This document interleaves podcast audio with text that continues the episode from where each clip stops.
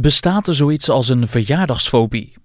Elk jaar krijg ik het Spaans benauwd als mijn verjaardag weer in zicht is, ook als ik bij een ander op bezoek moet. Is er sprake van een worstkaas-scenario? Of stel ik mezelf aan en moet ik gewoon in de kring gaan zitten en gezellig doen tegen die vreemde tante? Ik vroeg het aan een psychotherapeut. Hallo, ik ben Matthijs en ik heb een fobie voor het vieren van verjaardagen. Hoort je me al zeggen in een kringgesprek met lotgenoten?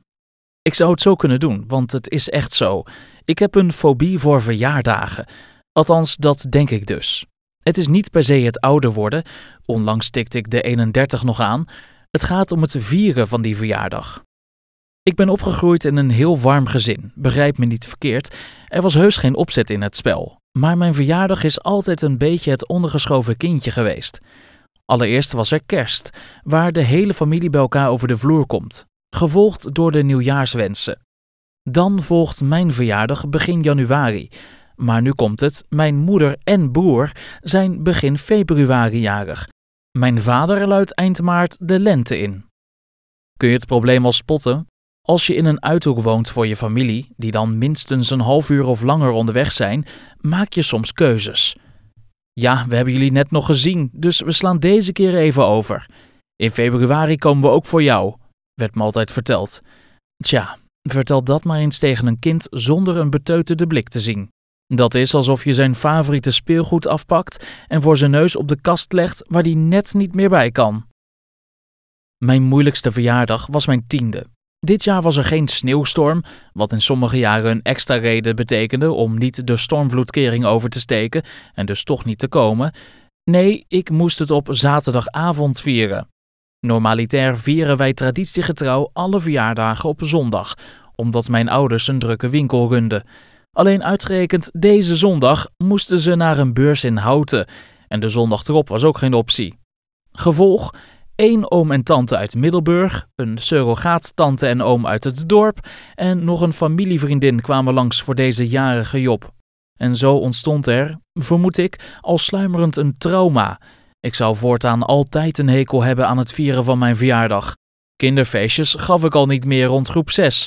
Ja, maar jij wordt ook nooit uitgenodigd, zei mijn moeder. Nee, logisch, als jij niemand uitnodigt natuurlijk, antwoordde ik. Jaren verstreken en ik hoefde het niet meer zo nodig te vieren. Ik deed alsof ik ziek was. Eén keer was ik er ook echt heel ziek van. De spanning, het idee aan zich? Nee, bedankt. Maar ik durfde ook niet meer naar andermans verjaardagen te gaan. Het leek alsof er een soort plaatsvervangende schaamte was ontstaan. Ik vroeg mijn baas om mij expres in die weekenden op zondag in te plannen. Horeca, hè? Dan krijg je dat. Tot een aantal jaren terug vierde ik mijn verjaardag nooit. Ik had het perfecte excuus dat er tentamens kwamen in die periode, of ik moest werken. Een ideale dekmantel voor mijn geheime schaamte. Helaas ergerden vrienden zich ook steeds vaker aan mij, omdat ik nooit naar hun feestjes kwam. Om de een of andere reden blokkeer ik mentaal bij het idee verjaardag. En toch doe ik tegenwoordig wel mijn best om te gaan. Onlangs ging ik met mijn vriend naar een kringverjaardag toe. Ik was dolgelukkig dat ik één iemand meer kende die daar aanwezig was dan slechts de jarige en mijn vriend. Maar een kringverjaardag? Brr, ik ben er goed ziek weggegaan met een lichte paniekaanval. Maar ik ben er geweest en dat is wat telt. Toch? Afgelopen januari was het natuurlijk weer zover. Mijn zwager blies twee dagen eerder dan ik de kaasjes uit. We gingen voor zijn verjaardag met de familie uit eten. Voor mijn verjaardag had ik een ruimte afgehuurd vlak bij mijn huis om mijn familie en schoonfamilie te ontvangen voor een borrel. Ik heb in jaren niet meer zo uitgebreid mijn verjaardag gevierd. Zoveel mensen die zouden komen. Corona leek even een mooie zegen te zijn geweest. Na afloop van een middag entertainen was ik gesloopt. De angst voor het vieren van een verjaardag klinkt best vreemd. Bestaat zo'n verjaardagsfobie überhaupt? Nee, denkt Willemijn Scholte, psychotherapeut en onderzoeker bij GGZ in Geest Amsterdam. Zij heeft niet eerder gehoord van een fobie voor verjaardagen. Dat wil echter niet per se zeggen dat het niet kan bestaan, zegt ze. Scholte behandelt al jaren mensen met ingewikkelde angst en fobieën. Ze legt uit: het kunnen verschillende dingen zijn.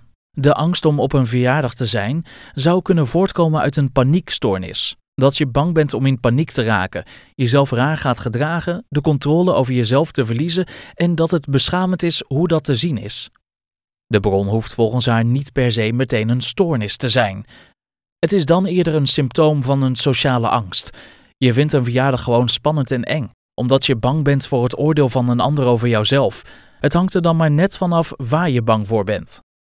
Scholte stelt dat het in mijn geval voornamelijk interessant is om te begrijpen waar die angst in zit. Waar ben je bang voor? Scholte reageert op mijn ervaring als volgt. Er zitten meerdere kanten aan jouw verhaal. Je hebt negatieve ervaringen gehad aan je verjaardag, dus de betekenis van een verjaardag is daardoor gekleurd. Het vieren van een verjaardag betekent voor jou niet: oh leuk, feestje en familie. Het betekent voor jou iets anders. Op de vraag wat een verjaardag voor mij betekent, antwoord ik dat ik het liefste de hele dag onder een deken zou kruipen en hoop dat de dag zo snel mogelijk voorbij is. Dat is dus de neiging hoe je je wilt gedragen, zegt Scholte. Toch is er volgens haar iets wat angst oproept en mij doet denken aan iets negatiefs, bijvoorbeeld niet belangrijk zijn. Daar slaat ze volgens mij de spijker op de kop. Het is een gevoel van afwijzing. Dat is precies waar we naar kijken bij zulke gebeurtenissen, zegt ze.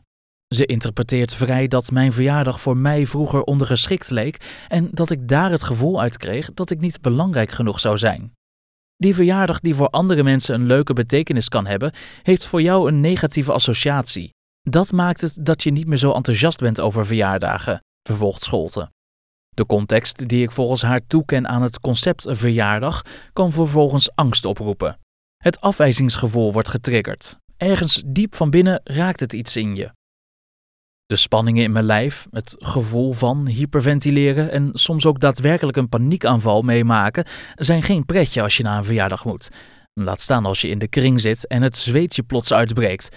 Maar zulke paniekaanvallen, is daar een logische verklaring voor te vinden? En valt er iets tegen te doen?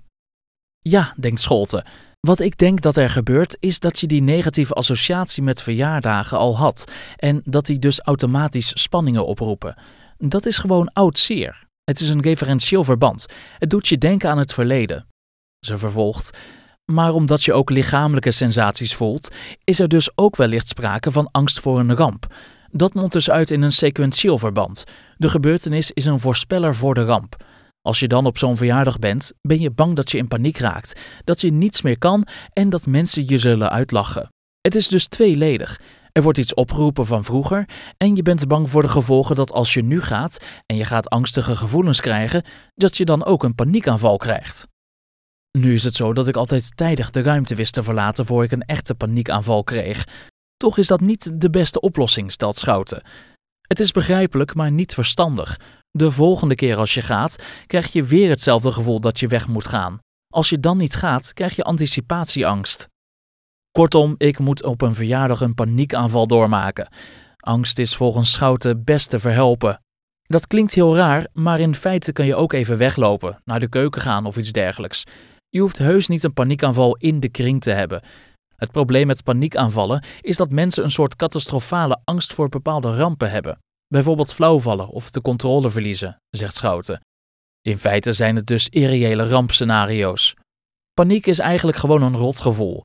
Als je durft de angst er te laten zijn en niet het gevoel dat je weg moet vluchten, merk je dat het vaak vanzelf minder wordt.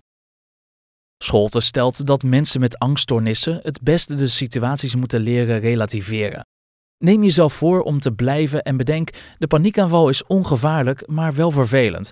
Maar er kan niks gebeuren en de rampen die ik vrees zullen niet optreden. Ze besluit aan de hand van mijn verhaal dat mijn angst zeker is ontstaan in mijn jeugd en dat daar spanningen vandaan komen.